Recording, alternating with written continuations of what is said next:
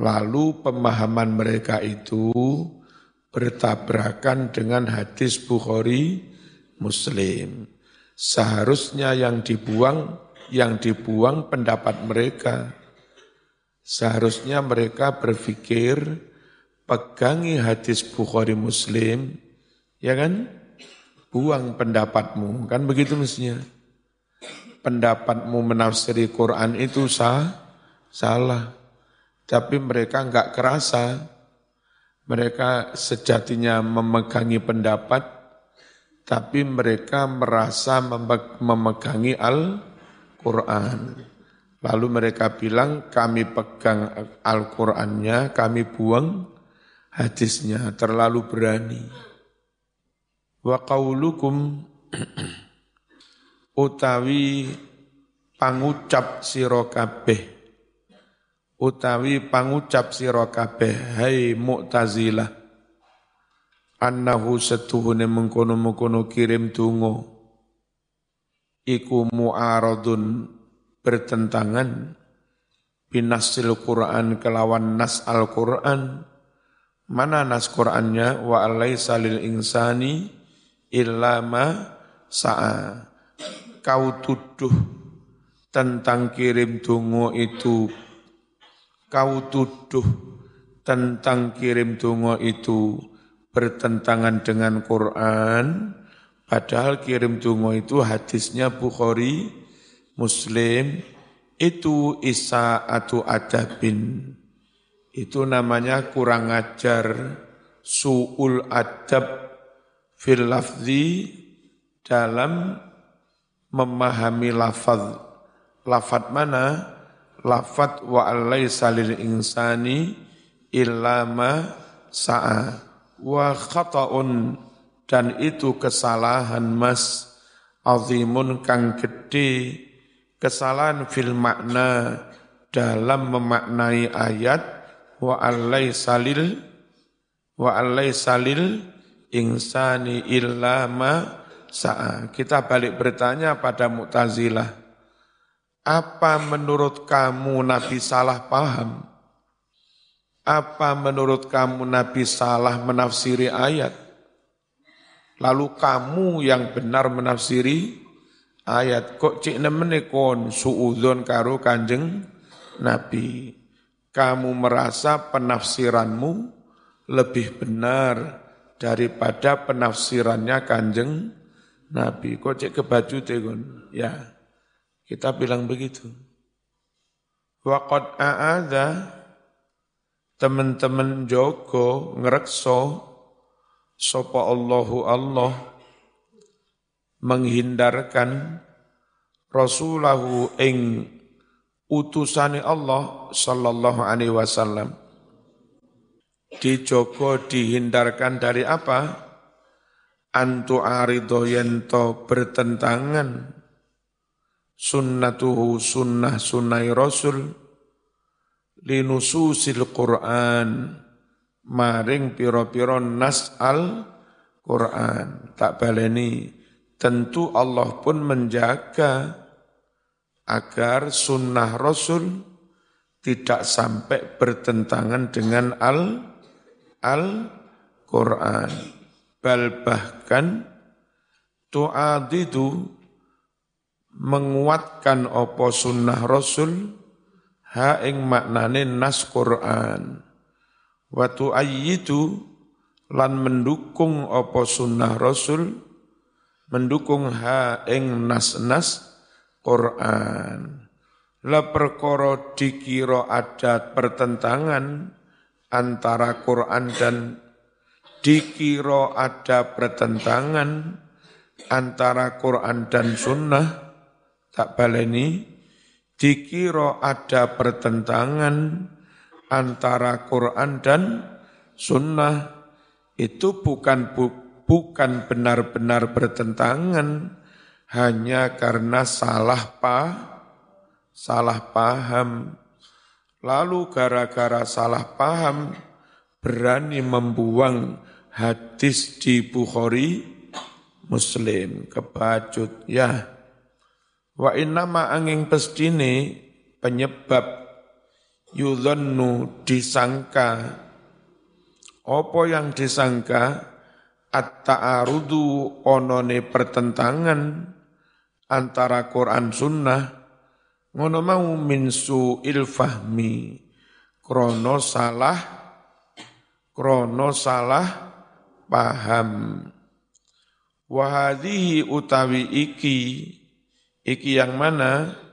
Hadis dianggap bertentangan dengan Quran tak baleni.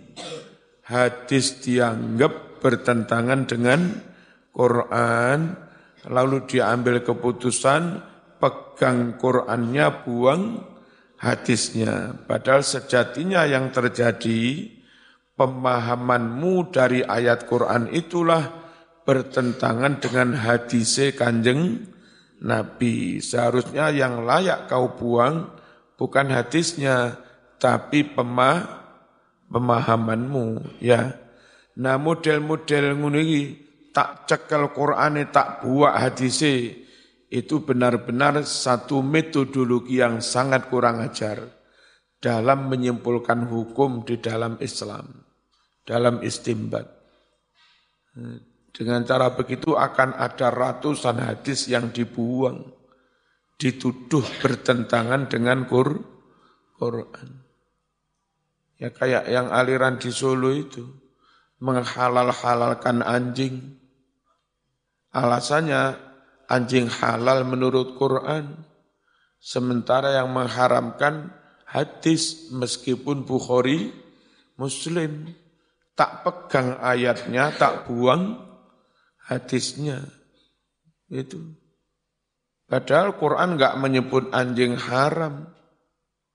Quran itu menyebut Qul ajidu fima uhiya ilayya muharraman ala ta'imi yat'amu illa ayyakuna maitatan au damam masfuhan au lahmahin zirin wa ma uhilla bihi li ghairillah Aku tidak mendapatkan makanan yang haram, kata Nabi.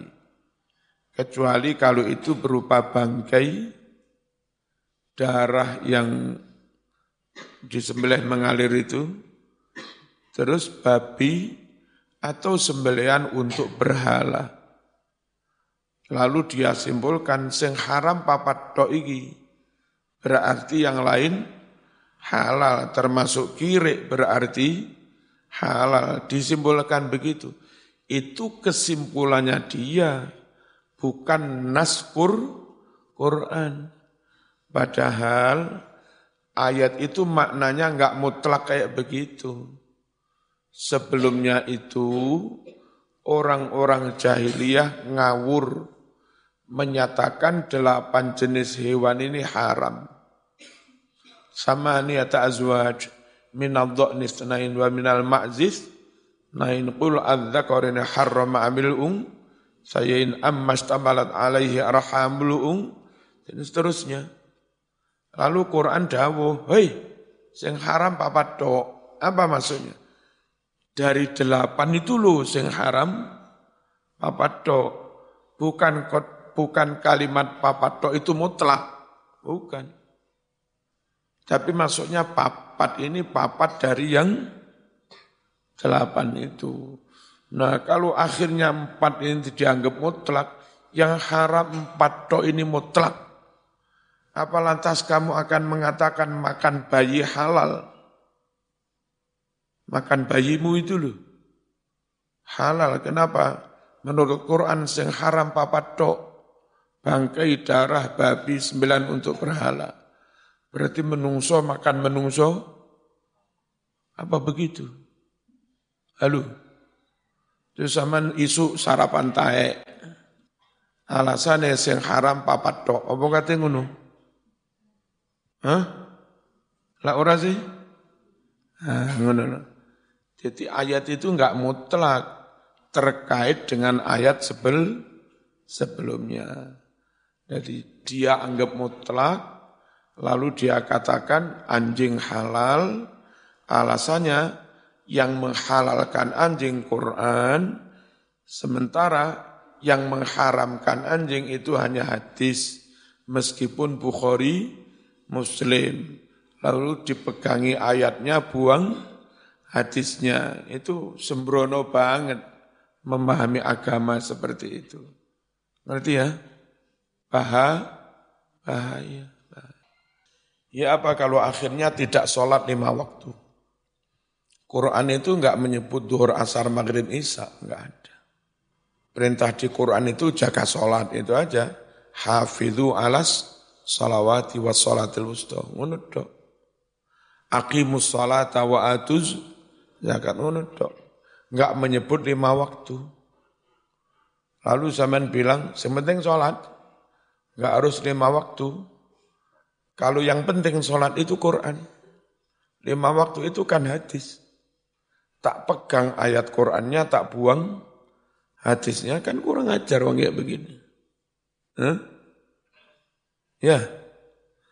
Quran tidak menyebut tata cara akad nikah. Perintah fangkihu nikah ada.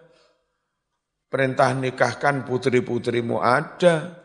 Wa ankihul ayama minkum. Wassalihina min ibadikum. Wa imaikum. Tapi bahwa nikah itu kudu ono wali, ono saksi, ono mas kawin, ya. Ono ijab ko, kopul ono macem-macem itu banyak yang disebut di dalam ha, hadis.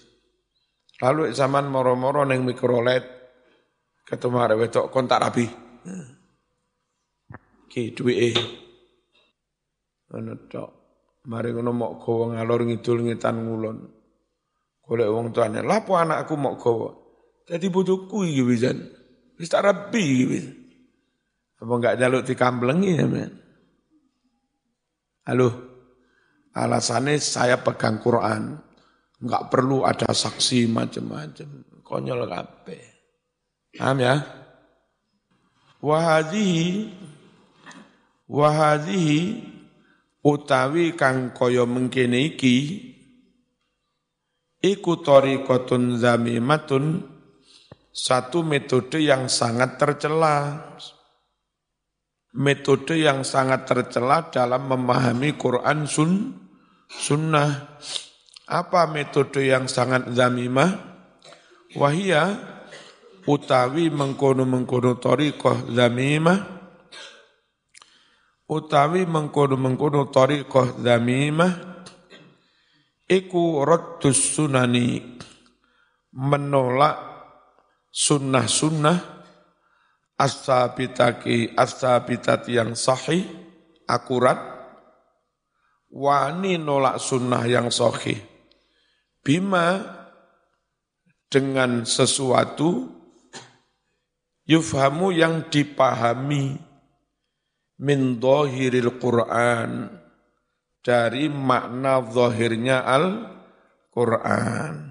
Jadi orang maknani Quran memahami Quran secara lahir secara lahi, lahiria, secara sepin, sepintas, hanya diambil kulitnya, belum dikupas sampai dalam, lalu sudah berani menolak sun, sunnah. Itu namanya toriqoh zami, lalu toriqoh zamimah. Ini kita ambil dari kitab Ar-Ruh halaman 13. Hadis tentang Idza mata benu Adama in qata'a anhu amaluhu. Hadis itu tentang apa? Hadis itu tentang wong lek wis mati ngamali putus. Ya ngamali sing mati ku sing putus. Bukan amalnya orang hidup ingin mendoakan orang yang sudah mati. Annahu setune hadis idza mata benu Adam iku layu fitu ora paring faidah makna illa ing qita'a amalil mayyit putusnya berhentinya amal si mayit Le nafsi putus kanggo awake dhewe fakot tok. Jadi hadis itu hanya menunjukkan wong lek wis mati ngamale mandek. Ya iya toh. Lek wis mati sik tetep iso ngimami, sik iso khutbah kan ya lucu. Aduh, diarani wong lek wis mati, lek wis mati ngamale otomatis beren berhenti. Walaisa ora ono fihi ing dalam iki-iki hadis apa sing ora ono dalalatun petunjuk makna alang qita'i amali ghairi putusnya amal orang lain. Hadis itu sama sekali enggak menunjukkan wong liya ndongakne putus ngono ora. Maknane hadis iki wong lek wis mati ngamali dhewe pu pu putus mandek. Aslan sama sekali walal man'i lan ya ora mencegah ora melarang ming dzalika saking mengkono-mengkono wong urip ndongakne wong mati. Ini diambil dari kitab Hukmus Syariatil Islamiyah fi Ma'tamil Arba'in. Ono isu jerene madhab syafi'i ngelarang kirim dungu. Oh no, Ustadz-ustadz Wahabi nggak isu ini. Pokok tujuan mereka itu bagaimana orang awam bingung ngedak wis. Ya, jauh plek cek wong awam bingung. Baru nulis bingung. Mungkin mereka jadi nggak sholat, jadi kafir atau akhirnya mereka manut kepada ustadz-ustadz Wahabi. Eh, cara kolam nu sak durunge diserok lelene iwake diublek dhisik. Cek keleng keleng ngono iku. Ya. Jamaah tahlil para nindi dalil tahlil. Wong tahlil wong awam kok ditakoni? Dalil ya mesti gak iso jawab ya. Lek ancane fair pengen takon dalil nang ngono kiye gading lho ketemu dalil engko Hah? Suan Habib Soleh ngono, pun dalili, ketemu. Lah wong kampung tahlilan bakul bakso, tukang beca, buruh tani, moro-moro dilabrak ditakoni dalile ya mesti gak wer gak. Halo. Paham? Padha kae karo ustad-ustad ngene moro-moro takonono. Kon gawe kelambi ini iki apa halal kelambi iki? Nah kok begitu? Siapa tahu ini dulu bikinnya kecampuran minyak babi. Apa dia jawab? Ya yes, kami nggak tahu. Nah, kan gitu juga. Wong dudu ahli ini. Pokoknya wis piye carane gawe wong awam iku res resah bi bingung. Nah sing kesel ya kiai-kiai ini. Mualim ben bengi pengajian nerang ning niku. Cek wong awam gak bi gak bingung. Dan hati-hati, mereka jahat banget. NU Ahlussunnah Jamaah itu dengan Syiah nggak setuju, dengan Wahabi juga nggak setuju. Saat kader NU Kiai NU mengkanter Syiah, itu dikai isu Ustadz Irotok Wahabi senengane mungsuhi Syiah. Nanti ganti ketika kader GNU itu menentang Wahabi, ganti dikai isu. Iku Ustadz Irotok Syiah. Halo. Nah repotnya kadang warga NU ono percaya dengan ser-seran opini yang disebar kaum Wahabi malih gedeng ning Kiai NU. Lah wis ah. Padahal sing ngarani Wahabi ku yo ya kono. Sing ngarani Syiah iku yo ya kono. Kalau NU kepada Wahabi yang enggak setuju, kepada Syiah juga enggak setuju. Tapi yaitu apa sih tokoh NU saat perang melawan Wahabi dituduh Syiah. Saat perang melawan Syiah dituduh Wahabi. Saat perang melawan kaum radikalisme dituduh PKI. Saat perang melawan PKI dituduh Islamnya radi, radikal. Nah, sing tak jaluk warga NU tuduhan apa pun, fitnah apa pun yang ditujukan kepada tokoh-tokoh N, NU ojo dipercaya. Ngerti ya? Karena dari dulu mereka sukanya menfit, menfitnah. Mbah Hashim As'ari kurang ngopo ngalime. Kurang ngopo karomah kewaliane mas. Kurang ngopo apalan ewon-ewon hadis itu lu juga difitnah katanya bolone Jepang. Ala usah. Bayi Wahab Hasbullah kurang ngopo alime tokoh NU tapi dituduh pro PKI. Kalau serbannya Mbak Wahab dibuka, kata mereka, di kepalanya Mbak Wahab ono gambar palu arit. Jahat banget. Gus Dur apal Fathul Mu'in, apal sembarang. Alim banget. Putune Mbah Hashim As'ari. Ngono dituduh liberal. Sampai banyak yang mengkafirkan. Nah wong sing ngaku NU pun ikut-ikut mengkafirkan Gus Gus Dur. Alasannya kontroversial. Sebetulnya Gus Dur jadi target fitnah itu enggak semata-mata karena kontroversialnya. Kalau hanya soal kontroversial, Nyun Sewu, Nabi Khidir ya kontroversial, wong bayi di ini. Halo, Syekh Siti Jenar ya kontroversial.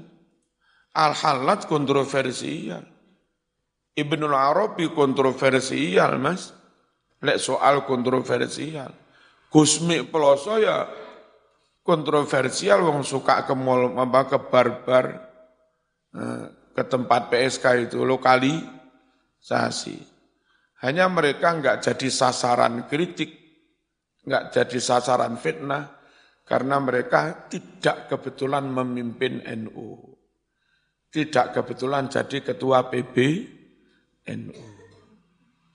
Jadi memang yang ditargeti sebetulnya NU-nya. Ya. Paham? Ya, tak jaluk santri kabeh be ono fitnah-fitnah menyangkut tokoh N, NU. Ojo gampang dipercaya.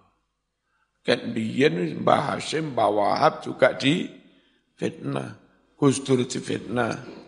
Ki Hasim Muzadi, Malang ini Al-Hikam, Arema ya ngalim. Dari muda memang beken NU. Dari muda ketua Ansor Bulu Lawang. Lalu ketika itu jadi DPR P3, P3 NU. Ketika itu. Ya. Lalu jadi pengurus NU Kota Malang. Lalu jadi ketua NU PWNU Jawa Timur. Terus jadi ketua PBNU. Isunya Ki Hasim enggak pada NU, ya rotok Muhammadiyah.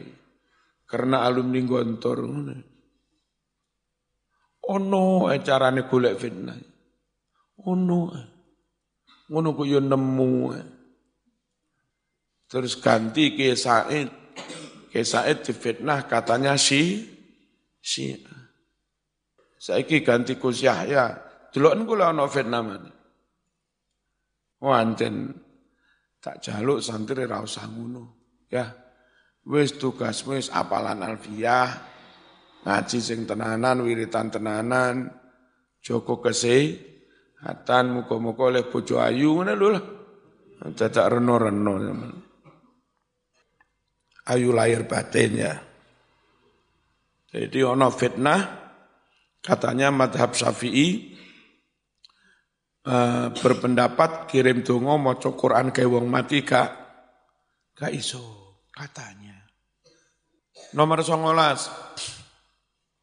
Inna masyhurul madhab setuhune kang masyhur saking madhab ayat tegese fi tilawatil Quran ing dalem kasus maca Quran jerene maca Quran ka iso teko nang wong mati iku mahmulun dipahami. Iku mahmulun den pahami. Alama ing permasalahan kasus Ida qara'a nalika maca Quran sapa wong?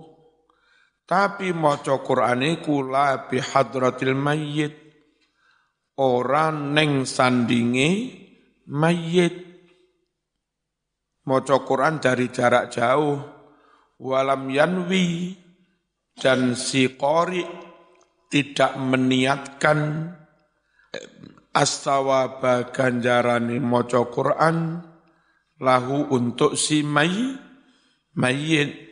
Yang dimaksud moco Quran enggak tekoneng mayit, satu mocone tidak di samping, tidak di samping mayit, dan memang sengaja, sengaja tidak meniatkan pahalanya untuk si mayit.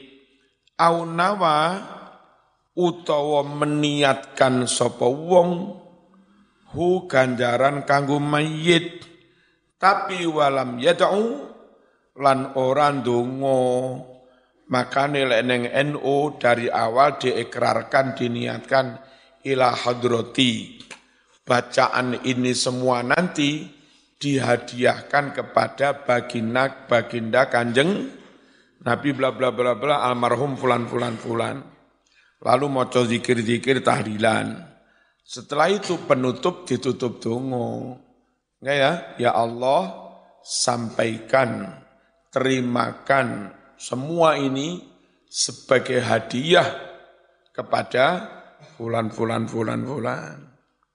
Nah, yang dikatakan enggak nyampe itu mocone Quran enggak di samping mayit, mocone Quran enggak di samping mayit, tidak meniatkan pahalanya untuk mayit, tidak ditutup dengan doa dihadiahkan kepada mayit. Sing ngono kuwi lho enggak nyampe kepada mayit. Ya iya. Sama neke moro-moro maca Quran Yasin apa iso diterimakan yang apa mayit-mayit kuburan kono? Ya enggak. Wong ora niat ora apa ya. Tapi lek sampean marani ning makam kono, ning sandingi, masih gak mau niatin, mayite oleh kesababan. Karena apa? Tempat yang di situ dibacakan Quran, Allah turunkan roh, rahmat. Lah mayite ning sandingi kan, oleh kesababan roh, rahmat. Ono gunane. Atau enggak dari dekat makam, tapi memang ini nawa itu aku hadiahkan Yasin kepada fulan. Terus mari maca Quran hadiahkan ya Allah kepada si fulan itu nyampe. Yang dikatakan enggak nyampe di, di samping mayit tidak menghadiahkan juga tidak menutup dengan doa juga tidak. Paham? Al-Fatihah.